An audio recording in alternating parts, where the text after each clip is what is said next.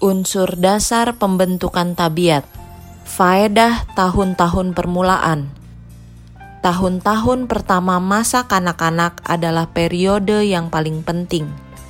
Pendidikan anak-anak pada tahun-tahun pertama dari kehidupan mereka adalah suatu hal yang amat penting. Pelajaran-pelajaran yang dipelajari anak itu selama tujuh tahun pertama dalam hidupnya akan mempunyai pengaruh yang lebih besar terhadap pembentukan tabiatnya daripada segala sesuatu yang dipelajarinya pada tahun-tahun berikutnya. Dari sejak masa bayi, tabiat seorang anak harus dibentuk sesuai dengan rencana ilahi. Sifat-sifat baik harus ditanamkan ke dalam pikirannya yang sedang terbuka itu. Pekerjaan orang tua harus dimulai dengan anak-anak pada masa bayinya, agar ia dapat menerima cap tabiat yang benar sebelum dunia akan membubuhkan capnya di atas pikiran dan hati. Usia yang paling peka Selama tahun-tahun pertama dalam kehidupan seorang anak, di mana pikirannya sangat peka terhadap kesan-kesan yang baik atau jahat, Selama tahun-tahun ini, kemajuan yang pasti diadakan baik dalam arah yang benar atau yang salah. Di satu pihak, banyak keterangan-keterangan yang tidak berguna diperoleh. Di pihak yang lain, pengetahuan yang kokoh dan bernilai. Kekuatan pikiran, pengetahuan yang cukup adalah harta milik yang tidak bisa dibeli oleh emas dari Ofir harga semuanya itu lebih daripada emas atau perak. Kesan-kesan pertama jarang dilupakan. Baik bayi, anak-anak kecil, atau orang muda jangan sampai mendengar sepatah kata yang tidak sabar dari bapak, ibu, atau salah seorang anggota keluarga, oleh karena mereka menerima kesan-kesan itu pada tahun-tahun permulaan hidup mereka dan apa yang orang tua perbuat kepada mereka hari ini, begitulah jadinya mereka besok, dan hari berikutnya, dan seterusnya. Pelajaran-pelajaran pertama yang ditanamkan ke dalam diri anak-anak jarang dilupakan. Kesan-kesan yang ditanamkan di dalam hatinya pada tahun-tahun pertama dalam hidupnya akan terlihat kemudian hari. Semuanya itu bisa dikubur tetapi jarang bisa dilenyapkan. Dasar diletakkan pada tiga tahun pertama. Kaum ibu, pastikanlah bahwa engkau mendisiplin anak-anakmu dengan sepatutnya selama tiga tahun yang pertama dalam hidup mereka. Jangan biarkan mereka membentuk kehendak dan keinginan-keinginan mereka. Ibu harus menjadi pikiran bagi anak-anak mereka Tiga tahun yang pertama adalah waktunya untuk membengkokkan ranting yang kecil itu. Ibu harus memahami pentingnya jangka waktu ini. Pada waktu inilah dasar itu diletakkan. Jikalau pelajaran-pelajaran ini bercelah, sebagaimana yang sering terjadi, demi untuk Kristus, demi untuk masa depan dan hidup kekal anak-anakmu, berusahalah untuk memperbaiki kesalahan yang telah engkau perbuat Jikalau engkau telah menunggu sampai anakmu berumur tiga tahun untuk mulai mengajarkan pengendalian diri dan penurutan kepada mereka, berusahalah untuk mengajarkannya sekarang ini, sekalipun pekerjaan itu akan lebih sulit. Tidak sesukar seperti yang disangka banyak kecemasan dan kesusahan orang tua dapat ditiadakan jikalau saja anak-anak diajar sejak dari buayan mereka bahwa kehendak mereka itu tidak bisa dijadikan sebagai undang-undang dan tingkah laku mereka terus-menerus dimanjakan. Tidaklah sesukar seperti sangkaan umum untuk mengajar anak kecil menahan luapan marahnya dan mengalahkan luapan nafsunya jangan tunda pekerjaan ini. Banyak orang melalaikan tugas mereka selama tahun-tahun yang pertama dari hidup anak-anak mereka, sambil berpikir bahwa bila mana mereka menjadi lebih besar, maka pada waktu itu mereka akan sangat berhati-hati untuk mencegah yang salah dan mendidik mereka dalam hal-hal yang baik. Tetapi waktu yang paling tepat bagi mereka untuk melakukan hal ini adalah pada waktu anak-anak itu masih bayi-bayi di pangkuan mereka. Tidaklah patut orang tua memanjakan dan takluk kepada kemauan anak-anak mereka, dan tidak benar juga bagi orang tua untuk memperlakukan mereka dengan kasar. Tindakan-tindakan yang tegas, pasti, dan jujur akan menghasilkan akibat-akibat yang paling baik. Pada waktu saya meminta perhatian orang tua terhadap kebiasaan-kebiasaan yang salah yang telah mereka tanamkan di dalam diri anak-anak mereka, beberapa orang tua nampaknya bersikap acuh tak acuh. Yang lain berkata sambil tersenyum, "Sayangku, aku tidak bisa melarang mereka bagaimanapun juga." Mereka akan menjadi lebih baik bila mana mereka sudah lebih besar. Nanti mereka akan merasa malu sendiri melihat luapan amarah seperti ini. Bukanlah yang terbaik untuk bersikap terlalu teliti dan ketat terhadap anak-anak kecil. Mereka akan dapat mengalahkan kebiasaan-kebiasaan berdusta, menipu, dan malas, dan mementingkan diri ini Sungguh satu jalan yang mudah bagi ibu untuk menyisihkan perkara-perkara ini, tetapi hal ini tidak sesuai dengan kehendak Allah. Cegah usaha setan untuk menguasai anak bayimu. Orang tua, pada umumnya engkau gagal untuk memulaikan pekerjaanmu cukup pagi. Engkau membiarkan setan menanami tanah hati dengan menaburkan benih-benih yang pertama engkau mempunyai satu pekerjaan untuk dilakukan agar setan tidak dapat menguasai anak-anakmu dan merebut mereka darimu sebelum mereka terlepas dari tanganmu. Ibu, engkau harus memastikan bahwa kuasa kegelapan tidak akan menguasai anak-anakmu. Engkau harus meneguhkan kehendakmu sehingga musuh tidak akan mengangkat bendera kegelapannya di dalam rumah tanggamu dalam mempersiapkan untuk kehidupan yang praktis juga.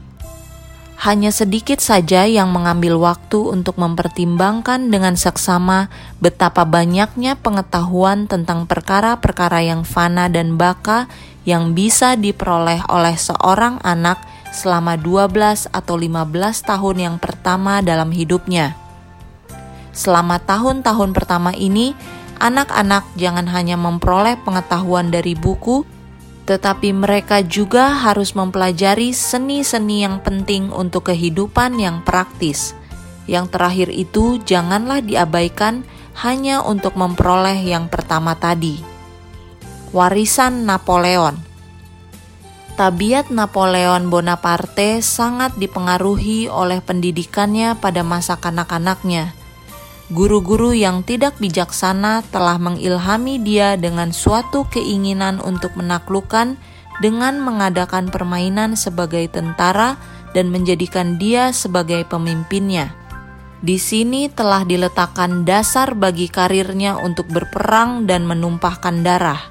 Andai kata usaha dan perhatian yang sama itu telah diarahkan untuk menjadikan dia sebagai seorang yang baik, mempengaruhi anak itu dengan roh Injil, betapa bedanya sejarah hidupnya itu.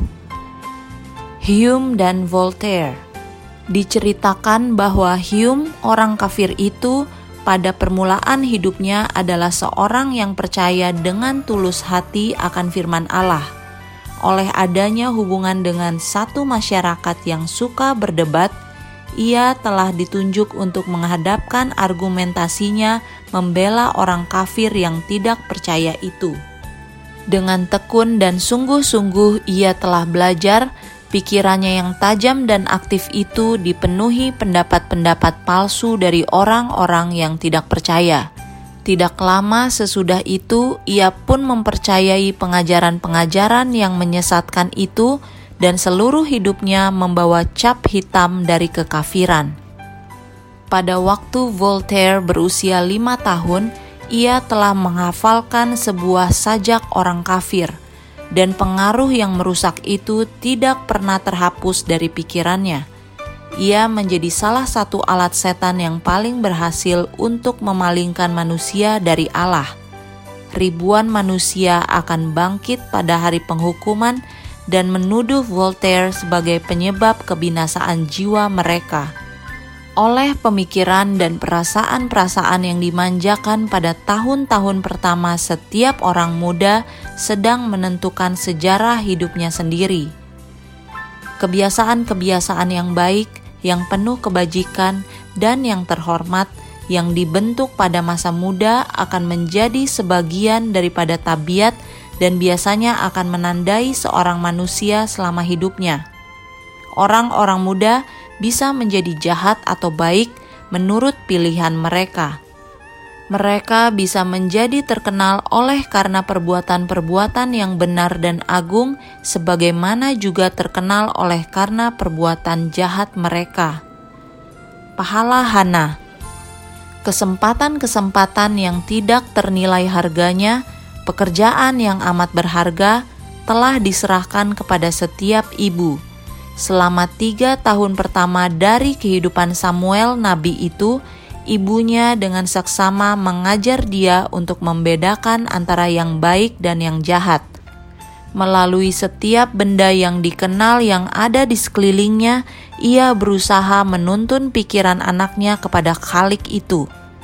Dalam menggenapi nazarnya untuk menyerahkan anaknya kepada Allah, dengan penuh penyangkalan diri, ia telah menempatkan dia di bawah pengawasan Eli, imam besar itu, untuk dididik bagi pelayanan di dalam rumah Allah. Pendidikannya pada masa kanak-kanaknya telah menuntun dia untuk memilih mempertahankan kejujuran sebagai orang Kristen. Betapa satu upah yang telah diterima oleh Hana dan betapa merupakan satu dorongan supaya menjadi setia teladannya itu. Bagaimana pikiran Yusuf dilindungi? Pelajaran-pelajaran yang diberikan kepada Yusuf pada masa mudanya oleh Yakub dengan menyatakan kepercayaannya yang dalam kepada Allah dan menceritakan berulang-ulang tentang bukti-bukti yang berharga tentang kebajikannya yang penuh kasih dan pemeliharaannya yang terus-menerus adalah pelajaran-pelajaran yang diperlukannya di dalam pembuangannya di antara bangsa kafir. Di dalam masa ujian, ia telah menggunakan pelajaran-pelajaran itu secara praktis. Pada waktu berada di bawah penggodaan yang paling hebat, ia memandang kepada Bapaknya yang di surga, yang padanya ia telah belajar berharap Jikalau pengajaran dan teladan daripada Bapa Yusuf itu adalah sesuatu yang sebaliknya, maka pena ilham tidak akan pernah menuliskan pada halaman-halaman sejarah yang suci itu cerita tentang kejujuran dan sifat yang baik yang bersinar-sinar dalam tabiat Yusuf. Kesan-kesan yang mula-mula yang ditanamkan di dalam pikirannya telah melindungi hatinya pada saat penggodaan yang hebat itu dan telah menuntun dia untuk berseru, "Bagaimanakah mungkin aku melakukan kejahatan yang besar ini dan berbuat dosa terhadap Allah?" Hasil pendidikan yang bijaksana, suatu fakta yang menyedihkan bagi setiap kelemahan dan ketidaktentuan di pihak ibu dengan cepat dapat dilihat oleh anak-anak dan si penggoda itu kemudian bekerja pada pikiran mereka sambil menuntun mereka untuk berkeras dalam mengikuti kecenderungan mereka. Jikalau orang tua mau memperkembangkan sifat-sifat yang diperlukan oleh mereka untuk digunakan dalam mendidik anak-anak mereka dengan sepatutnya, jikalau mereka mau menjelaskan di hadapan anak-anak itu peraturan-peraturan yang harus mereka ikuti dan tidak membiarkan peraturan-peraturan ini untuk dilanggar, maka Tuhan akan bekerja sama dengan dan memberkati baik orang tua dan anak-anak itu. Pada usia yang sangat muda sekali, anak-anak menjadi peka terhadap pengaruh-pengaruh yang merusak moral tetapi orang tua yang mengaku diri Kristen kelihatannya tidak melihat bahaya dari cara pengasuhan mereka. Oh, sekiranya mereka dapat menyadari bahwa pengaruh yang diberikan kepada seorang anak pada tahun-tahun permulaannya itu akan memberikan suatu kecenderungan kepada tabiat dan membentuk nasibnya untuk hidup kekal atau kebinasaan kekal. Anak-anak peka kepada kesan-kesan moral dan kerohanian, dan mereka yang dididik dengan bijaksana pada masa kanak-kanaknya sekali-sekali dapat saja berbuat kesalahan, tetapi mereka tidak akan tersesat jauh